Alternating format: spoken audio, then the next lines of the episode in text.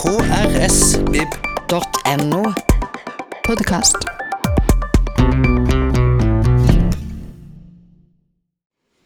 Hei og velkommen til Klassikerklubben. 16. oktober hadde vi besøk av kunstner og boktrykker Ane Thon Knutsen, som er aktuell med trykk og artistbooks i utstillingen Avskygninger i Kunsten og litteraturens hus. Temaet for kvelden var Virginia Woolf og hennes tekst Merke på veggen. Ane drar nemlig veksler på Woolf i sitt arbeid. Det du her får høre, er først Ane Thon Knutsens innledning om Wolf, The Hogart Press og eget arbeid med trykking. Derpå følger en samtale mellom Ane Thon Knutsen, forfatter Miriam Christensen og litteraturformidler Camilla Gulbrandsen. Jeg oppdaga eh, Virginia Woolf først gjennom eh, essayet 'Et eget rom'.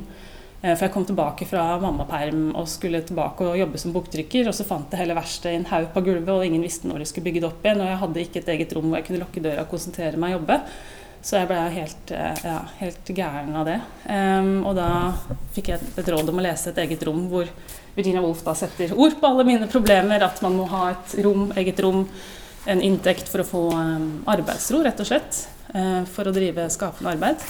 Så da tenkte jeg at jeg ville undersøke uh, Virginia Woolfs uh, designarbeider ved å skrive, sette og trykke et essay som jeg hadde skrevet selv. Den er for øvrig illustrert av søstera mi, som sitter der, Ylve Thon, for å speile da samarbeidet eh, Virginia Woolf hadde med søstera si, Vanessa Bell, som vi da kjenner igjen fra eh, de klassiske coverne til Virginia Woolf. Hun illustrerte for øvrig ikke, da. hun gjorde akkurat hva hun ville også. Så det var veldig sånn, fritt samarbeid. Så da har jeg da gått eh, ja, tatt utgangspunkt i layouten eh, og liksom ja, tråkla meg gjennom hele greia. Og um, det jeg også tenkte på, da, er jo um, at uh, pga. at de fikk en egen trykkpresse, så fikk de også mulighet til å publisere f.eks. essay som et eget rom, og senere tre Guinness, som var veldig radikale. Altså det, det var jo Et eget rom kom ut Eh, rundt da kvinner fikk stemmerett i England. Og hun har jo seinere skrevet at hun var den eneste kvinnen i England fri til å skrive hva hun ville. Så hun forsto jo veldig kjapt at, altså at en, eh, en, egen trykkpresse var jo eh, veien til fullstendig kunstnerisk frihet, og hvor hun kunne også komme med sånne radikale politiske statements da, som hun sannsynligvis aldri ville fått publisert et annet sted. Og spesielt tre Guinness, hvor hun da som hun på en måte antyder i denne novellen, altså angriper hele adelsstanden og gir dem skylda for krig og all, all, elendighet i verden, rett og slett. Så det var um, utgangspunktet. Og jeg tok også en oppfordring fra da Tre Guinness om uh, at kvinner burde ha sin egen trykkpresse, og bygge et trykkeri i kjelleren min hjemme. Så dette er det første arbeidet uh, som er produsert derfra. Og da fant jeg også en, inngangs, sånn, en inngang da, til å jobbe med uh, The Mark on Wall mer konseptuelt og fritt. For den er jo en veldig fri, uh, flytende novelle som, som, som, oppfordrer til å tenke så langt man vil, og hvordan man vil, og ikke tenke på hva en eller annen uh, erkebiskop har bestemt ja, at ting skal være.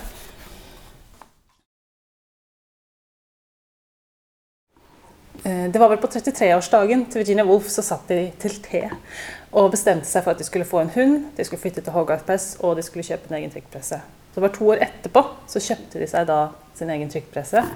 Og da valgte de å publisere to av sine egne eh, historier. Um, 'Three Jews' av Leonard Wolff og 'The Mark on the Wall' av Virginia Woolf.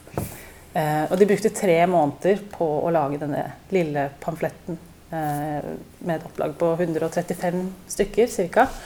Eh, med illustrasjoner. Da. Et tresnitt av en kunstner som het Dora Carrington. Som de ødela, da, for de hakka i vei på den. Eh, for de var jo selvlærte. De hadde jo ingen som helst skolering i verken setting eller trykking eller noe som helst. Virginia Woolf hadde jobbet med bokbinding tidligere, men hun var heller ikke noe profesjonell der. Hun hadde også der fugla ut ting på egen hånd. Så det de gjorde når de trykka uh, Two Stories, uh, var at først tok de for seg Leonards historie, Three Jews. Og Virginia Woolf lærte seg hva denne teknologien er. Liksom, hvor mye tekst får du på en side? Liksom, hva, hvor mye plass tar det? At, at hun liksom lærte seg alle de der tekniske greiene som det er veldig vanskelig å få helt grep om hvis ikke du har liksom vært gjennom praksis. Og så nå etter hun var ferdig med Three Juice, det var jo da hun skrev The Mark on the Wall.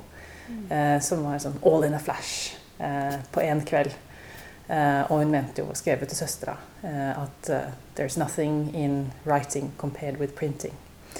Um, så um, ja, så satt hun sin egen novelle, og de publiserte den, trykka den, ga den ut. Uh, og hun gjorde jo alt. Uh, alt annet enn trykkinga var det Virginia Woolf som gjorde, fordi Leonard hadde skjelvende hender. Så han var liksom han, Altså, du kan ikke sette med skjelvende hender. Det er sånn helt umulig. Og hun bandt og liksom gjorde alt av produksjon, da. Så det var liksom arbeidsfordelinga. Hva mente hun med den setninga du sa, det sitatet?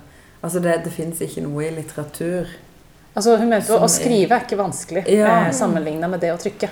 Ja. Det, det, er lett. Det, det, kan hun, liksom. Mens, mm. mens trykking, det, det, var en helt annen greie. Og hun var jo 35 år. Når hun, når, altså, første gangen hun fant ut at hun var en helt fri forfatter, var hun faktisk 35 år. Hun hadde jo skrevet mye for det. Hun har også publisert bøker. Og samtidig som hun satt eh, The Mark on the Wall, drev hun og skrev på eh, Night and Day som hun kalte 'stone breaking', var vel det hun karakteriserte den skriveprosessen som. Mm. Så det var på en måte den siste boka hun ga ut da, før hun fikk sitt eget forlag og da kunne være fri. Mm. Mm. Hadde, du, hadde, du, drevet med trykking før du begynte på dette prosjektet? Ja. Um, jeg begynte med boktrykk da jeg var uh, bachelorstudent på grafisk design. Uh, fordi jeg husker at jeg syntes typografi var så vanskelig. Og jeg skjønte Altså, jeg, jeg veldig, trenger veldig sånn konkrete ting. At uh, hva alle disse begrepene i InDesign, hva betyr de? Hva er det for noen ting? Og så er det sånn ledding, f.eks. Det er jo et sånn blyobjekt som man putter imellom linjene. Altså all, Hele begrepsbruken kommer jo fra boktrykken. Og ja, nå snakker du om eh, begrepsbruken nå, i, i, moderne i, software. I software, altså, ja, i software i forhold til liksom, ja, mm. boktrykk. Altså det, det, bygger jo på boktrykk, eh, selvfølgelig. Eh, så er det liksom drevet med det ganske lenge, men jeg har vel ikke definert det som sånn mer sånn konseptuell boktyggekunst før ganske nylig. Mm. Um, så ja, nei, jeg har gått gjennom den norske industrien. Da. Så ja. måten jeg kom inn på uh, Virginia Woolf på, var jo at jeg gikk gjennom uh, og lærte meg å sette og trykke mm. og undersøkte norsk industri. Men jeg fant liksom ikke, fant ikke det jeg lette etter. Da. Og det var en sånn sterk historie som ikke var min å appropriere heller. At der skulle jeg komme og liksom fortelle historien til alle disse trykkerne og, og, og, setterne som fortsatt lever, og fortelle sin historie. Det syns ikke jeg var min rolle. Mm. Og min intensjon var jo å finne en måte å jobbe med boktrykk på som fungerer i dag, og som ikke, som ikke har noen liksom historiserende måter å, å leke gamle dager på, men som et middel for å, å finne ut finne ut noe nytt og, og ja, bruke det som et slags verktøy da, for å kanskje mm. forstå litteratur, rett og slett. Så det var egentlig på slump at jeg ja, ramla borti Virginia Woolf pga. et eget rom, rett og slett. Så det møtet med henne og den teksten, det påvirket på en måte uttrykket ditt? Så. Veldig. Mm. Ja. I, i, I veldig mye større grad enn jeg hadde trodd mm. at det skulle gjøre, faktisk. Men, eh, men jeg ble så inspirert og liksom fant en eller annen altså Jeg bruker nesten The the Wall som en slags veileder.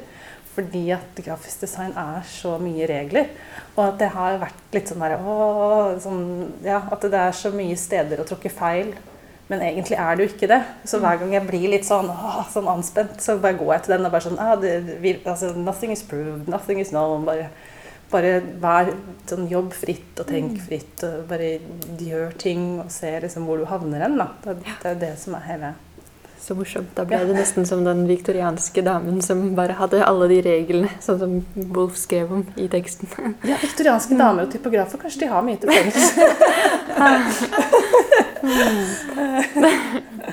altså det er jo eh, Jeg tenker at Virginia Woolf alt, blir alltid nevnt av mm. noen. Mm. Altså hun, hun, går liksom aldri ut av rullen. Det er alltid noen som leser henne mm. og holder på med henne. Altså livet hennes sitt er også fascinerende for mm. mange. Særlig for kvinner, kanskje. Uh, men det er jo noe veldig sånn um, Altså den stilen og denne stream of consciousness hvor alt kan komme i spill, da. Mm. Det, det er jo en sånn Selv om du føler når du leser eh, 'Merket på veggen', som den heter på norsk eh, Selv om du føler at, at alle tankerekker og alle innfall som har kommet, er med, så er det jo allikevel en sterkt redigert tekst. da. Mm. Og det er en sterk vilje bak den. Mm. Men det er en vilje eh, hos forfatteren da, og i stilen til å være veldig sånn åpen og, og em, la innfallene strømme. Mm. em, La tankene gå. Altså Det er jo noe veldig kreativt over det, tenker jeg. Mm. Noe som tiltaler mange kunstnere og Mm. forfattere, tror jeg. Mm. Eh, og det er kanskje også noe av det som gjør at du kan fortsette å jobbe med den teksten Mm. så lenge at den liksom aldri går helt ut av Ja, for det, det har faktisk overraska meg ganske mye. At jeg tenkte sånn Å, er det, det er en short story? Altså, Hvordan å jobbe med en så liten og kort tekst over liksom, ja, halvannet år, da, som var på en måte den perioden jeg hadde igjen? Så, det, så jeg hadde jo på en måte potensielt eller en tanke om at kanskje ja, at jeg forlater den og går videre til noen av de andre tekstene. Men den er jo på en måte sånn kaninhull. Da. Eh, At det er, det er så mange tanker hun har sluppet, som, og, og at eh, Hun sier jo liksom at det, altså at det er jo liksom en endeløs rekke av refleksjoner da, som man kan spinne videre på, nettopp fordi at den har så mange åpninger. At man kan, ja, at man kan nesten bare ta ett et ord og et punktum, og så kan man liksom holde på med det i, i måneder. Det er jo helt sprøtt. Det høres litt, litt sprøtt ut. Men jeg tenker at det, er en veldig rik tekst. da. Altså Den inneholder ganske mange forskjellige nivåer. Eh, mange tankerekker. Eh, noen veldig banale tanker, noen veldig liksom, filosofiske tanker. Eh, kritikk inneholder den av det engelske samfunnet på den tida, eller det som har vært, mot det nye som kommer. Og så er det kanskje også en kommentar til første verdenskrig, fordi den ble skrevet og gitt ut i 1917. Eh, Så det er en tekst som har veldig mange nivåer da, som man kan bruke da, og gå inn i, tenker jeg.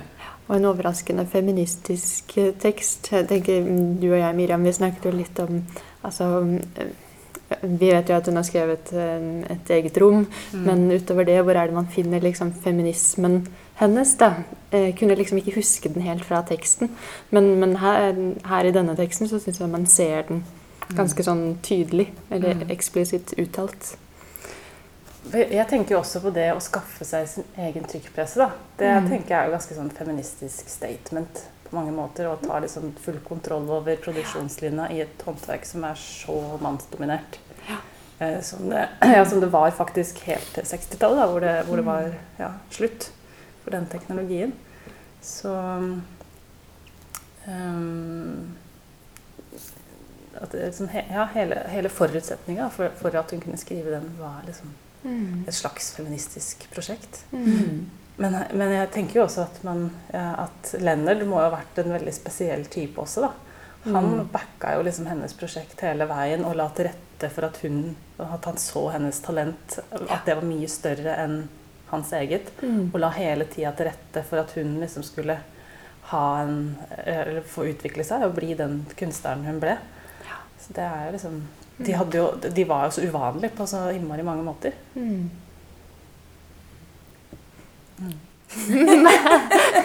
Nå ble vi sittende og filosofere over det.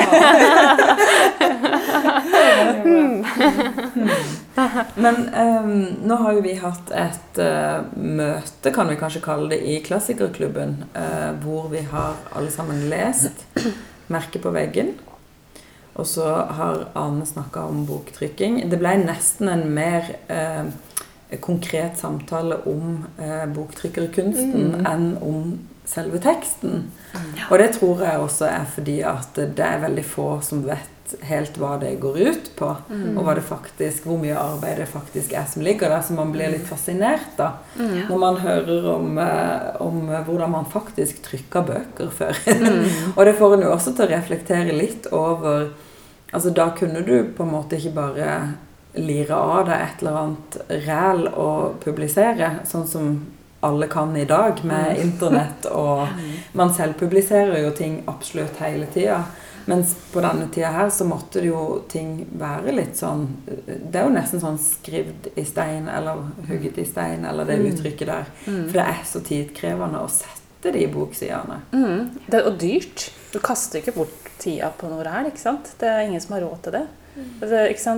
På et trykkeri da, skal du ha en som setter, da, står og setter hver bokstav. Masse timer der. Skal noen korrekturlese, og så skal det trykkes, og så skal det redigeres og ordnes. liksom. Det, det, det var jo trang, trang, mye trangere nåløye å komme igjennom for å få trykka noen ting. Mm. Eh, Og da var det ikke noe særlig rom for å eksperimentere, for det ville jo da redaktøren slå ned på med en gang. Det her ja, Da må du jo kjøpe din egen trykkpresse, rett og slett. Ja, Ja. Så, så det er jo den som hadde sin egen trykkpresse, hadde jo også ganske stor makt da, i en Mm. tid hvor eh, det ikke var så mange som publiserte heller. Nei, ikke sant. Mm. Eh, Jeg tenkte på de bildene dine mm, som henger på veggen her i biblioteket og i kunsthallen. Det er sånne merker på veggen. Kan du si noe om de for oss som ikke er, liksom, ikke er kunsteksperter? Eh, ja, de begynte, det prosjektet begynte vel egentlig med at jeg begynte å se på og lese om at The Mark on the Wall og hvordan hun bruker punktum i den novella. eh, at det eh, står i relasjon til hverandre. Da. At The Mark on the Wall egentlig er punktum på arket på boksiden. Eh, og at veggen eh, på rommet hun ser i, eh, står i forhold til eh, boka man leser. Um, så da tenkte jeg at jeg hadde lyst til å prøve å oppsummere da, hele, hele The Mark on the Wall i en eneste sort liten prikk. Og det er jo punktum som jeg har er Ti forskjellige punktum fra ti forskjellige skriftsnitt. Men jeg har ikke fortalt noen hvilken skriftsnitt det tilhører. For jeg vil, eh, Det er en litt sånn, eh, typ, sånn typografisk nerdete greie om folk klarer å klassifisere skriftsnitt ut ifra bare å se punktumet. Og da skal, tenker jeg at man står og stirrer på den veggen og se på det merket på veggen, men sannsynligvis begynner man jo å tenke på noe helt annet. Eh, og den ideen kom vel ut fra at jeg prøvde å skrive et essay om punktum, som var det tørreste temaet jeg klarte å finne. Men der eh, kom jeg også fram til at ja, jeg fant en hel masse, hel masse interessante ting som jeg aldri hadde trodd eh, jeg skulle finne da, om et essay om punktum. Og også det hvordan punktum representerer pusten. Og i et av Virginia Woolfs aller siste dagbokinnlegg, eh, rett før hun går og drukner seg, så skriver hun om drukning. Eh, så skriver hun eh, A swoon and a drain and then a last attempt to gain consciousness and then dot, dot, dot. Så skriver hun dot, dot, dot i stedet for å sette tre punktum. Akkurat som det er tre mislykka forsøk på å trekke pusten. Og da fikk jeg plutselig en sånn creepy sånn det punktum i The Mark on the Wall er sånn morbid eh, og, og litt sånn creepy sånn forvarsel på Ja, altså, ja plutselig så åpna det for en, enda en helt ny måte å lese på, da. Enda jeg egentlig har hele tida prøvd å holde den død-delen litt på avstand. Men hun driver jo også og reflekterer over hva, ja, hva fins på andre siden av Fødes man i døden som man fødes i livet, og at for eggen er et hull inn til etterlivet. Ja, ja. Så, ja. Igjen det med at den teksten rommer veldig mye. Ja, Mm. det, ja. det kan man si. Mm. Jeg tenkte bare i stad på når du sa at uh, altså det med at det, eh, det tar lang tid å sette typer og trykke boksider og Jeg tenker også i forhold til den litteraturen som ble trykka, at den litteraturen er langsom på et eller annet vis. da. Mm. Selv om det kan være heseblesende nok å lese Virginia Woolf, så er det også en, en langsom prosess for leseren, fordi det er så mye å ta inn Mm. hele veien. Og det syns jeg også er interessant i forhold til det at man ikke bare kan trykke alt mulig. Altså det må være nøye utvalgt. Det må være eh, Hun var jo nødt til å bli sin egen strenge redaktør, da, tenker jeg, i veldig stor grad. Noe som antageligvis har eh, forma henne veldig som forfatter. da. Mm. At hun har måttet stole på seg sjøl som sin egen redaktør. Mm. Eh, slipe ned setningene sine. Og så faktisk stå og sette de sjøl etterpå sånn Mm. på den måten. Det er egentlig Det er jo en utrolig langsom prosess Mm. for å kunne publisere liksom Er det seks sider? Mm. Ja, hennes Syv. er vel tolv. Tolv sider. Ja. Mm. Da skal du ha et sterkt ønske om å få ut noe, tenker jeg. ja. Mm. Jeg bare syns at den, hele den prosessen eh, er fascinerende å tenke Mm. seg, da. Hun har skrevet teksten veldig fort, Mm. men det har jo tatt enormt med tid å sette den og trykke den. Mm. Og det er litt, eh, det er litt sånn fint, da. Mm. Altså da Ja, den langsomheten. Mm. Ja, jeg, man får jo liksom når man, når man begynner å sette seg liksom, og er klar over hva boktrykk egentlig, altså setting av løstyper egentlig innebærer, så tenker jeg at uh, en enorm vilje til å på en måte til å, å, å være en kunstner og skrive og være fri, og at hun gjør alt det arbeidet for, eh, fordi hun tror på sitt eget prosjekt. Det syns jeg er ganske ja, kult å tenke på. det. At hun, at hun gadd. Ja. Ikke sant? Hun er- bitcher jo masse i dagbøkene sine om de der assistentene som hun får som skal sette og bare åh, Og de er så late, og noen av de gir opp etter en dag og er klønete og slurvete. Mm. Og ja, det er liksom veldig eh, Det er veldig interessant da, med de små innblikkene man får liksom i livet Mm. i The Hogarth Press. Som er litt sånn eh, kaotisk og ja, rotete sted. Ja, og så er det et veld, en veldig stor kontrast mellom Mm. det å sitte og filosofere og tenke og være i sitt eget hode som Mm. forfatter, Mm. og så skulle ta det ut i et veldig praktisk eh, virke etterpå. Mm. Og den eh, liksom, kontrasten, eller den vekselvirkninga der, da, Mm. kan jo også ha vært eh, nokså fruktbar. Mm. Hvis det var sånn at hun satte mannens tekst først, og Mm. så gikk hun og skrev sin egen i en sånn rush. Mm. For det, det var deilig å gjøre noe fort, kanskje, Mm. etterpå Ja, Man man har gjort noe jo så langsomt. Når man står der, så er det jo litt sånn mekanisk òg. Altså man Mm. setter jo i gang og tenker på sine egne greier. Så tenker jeg at hun sikkert bare gleda seg mer og mer og mer til å liksom få sette i gang med sin egen Ja. tekst. liksom. Nå har, jeg, nå har jeg gjort leksene, så nå skal jeg endelig Er det min tur? Ja. Jeg må si at jeg har åpning av avgangsvisning 22.1. Eh, 2019 på Kunstnernes hus. Og Ja. Da kommer jeg til å ha en sånn enorm installasjon av hele The Mark on the Wall som skal dekke, dekke hele Overli-salen. Som jeg jobber med nå. Kult. Så det blir veldig spennende å se hvordan det går. Så det betyr at hvis noen etter å ha hørt på dette leser 'Merket på veggen' eller Mm. 'The Mark on the Wall', så kan de da i januar gå og fordype seg i dine verker ut Mm. ifra den teksten på Kunstnernes hus. Ja, og så må dere uansett se altså de verkene som er å se her på biblioteket og i kunsthallen, da. Mm. Ja. Mm. For deler av det du kommer til å vise der, det er jo noe av det som står her, eller kommer du til å Det er et helt nytt Det er et verk. helt nytt ja, verk, Et eget ja.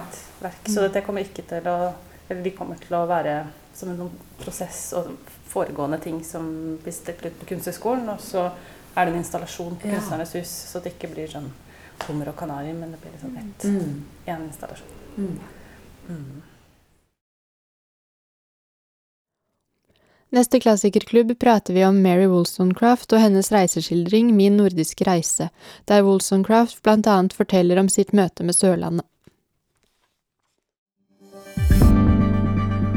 Flere podkaster fra oss finner du på Google Podkast, Apple Podkast eller iTunes, eller ved å stikke innom vår hjemmeside på krsbib.no.